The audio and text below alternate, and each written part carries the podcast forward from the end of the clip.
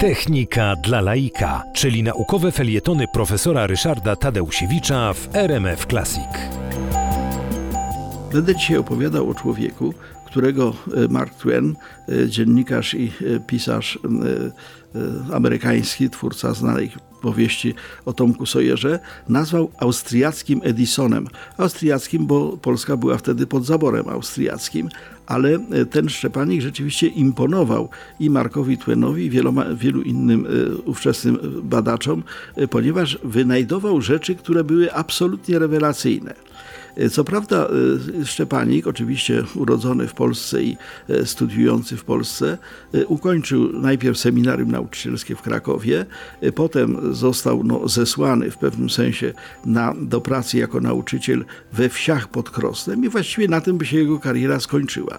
Ale jego niespokojny duch nie pozwalał mu wysiedzieć w tych wiejskich szkołach i wobec tego w 1896 roku porzucił rolę nauczyciela i e, zaczął e, no, różnego rodzaju e, no, wynalazki, które były zupełnie innowacyjne. W szczególności wynalazł coś, co się nazywało telektroskopem. Elektroskop to znowu był taki no, element o charakterze prototypu telewizora. Pierwszym obrazem, który został przekazany, to był obraz kościoła świętego Karola Boromeusza w Wiedniu i był publiczny pokaz pokazujący, że rzeczywiście obraz, i to barwny obraz, można przekazywać na odległość. E, była to taka sensacja, że 3 kwietnia 1898 roku na okładce New York Timesa e, znalazła się, znalazła się informacja właśnie o tym austriackim Edisonie, czyli genialnym Janie Szczepaniku. No potem była wystawa w Paryżu, e, potem było wiele różnych innych sukcesów, ale najbardziej taki no, widoczny sukces Jana Szczepanika to było wynalezienie kamizelki kuloodpornej, ponieważ on nauczył się tkać różne materiały o bardzo różnych właściwościach.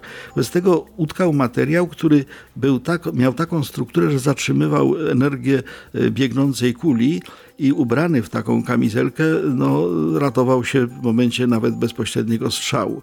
W 1902 roku ten właśnie ta, ta kamizelka kuloodporna, dokładniej mówiąc całe wyłożenie karety e, takim kuloodpornym materiałem uratowały Alfonsa XIII, króla Hiszpanii podczas zamachu. No i wobec tego Alfons XIII przyznał order Izabeli Kalsylijskiej Janu Szczepanikowi. No i wobec tego ten, ten e, nasz wynalazca e, no, otrzymał szlachectwo, szlachectwo e, hiszpańskie. Car Mikołaj II też był zachwycony tym i wobec tego chciał mu nadać e, też order, order cara. No ale okazało się, że Szczepanik był polskim patriotą.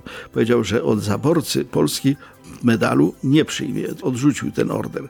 No to car mu przysłał zegarek wysadzany diamentami.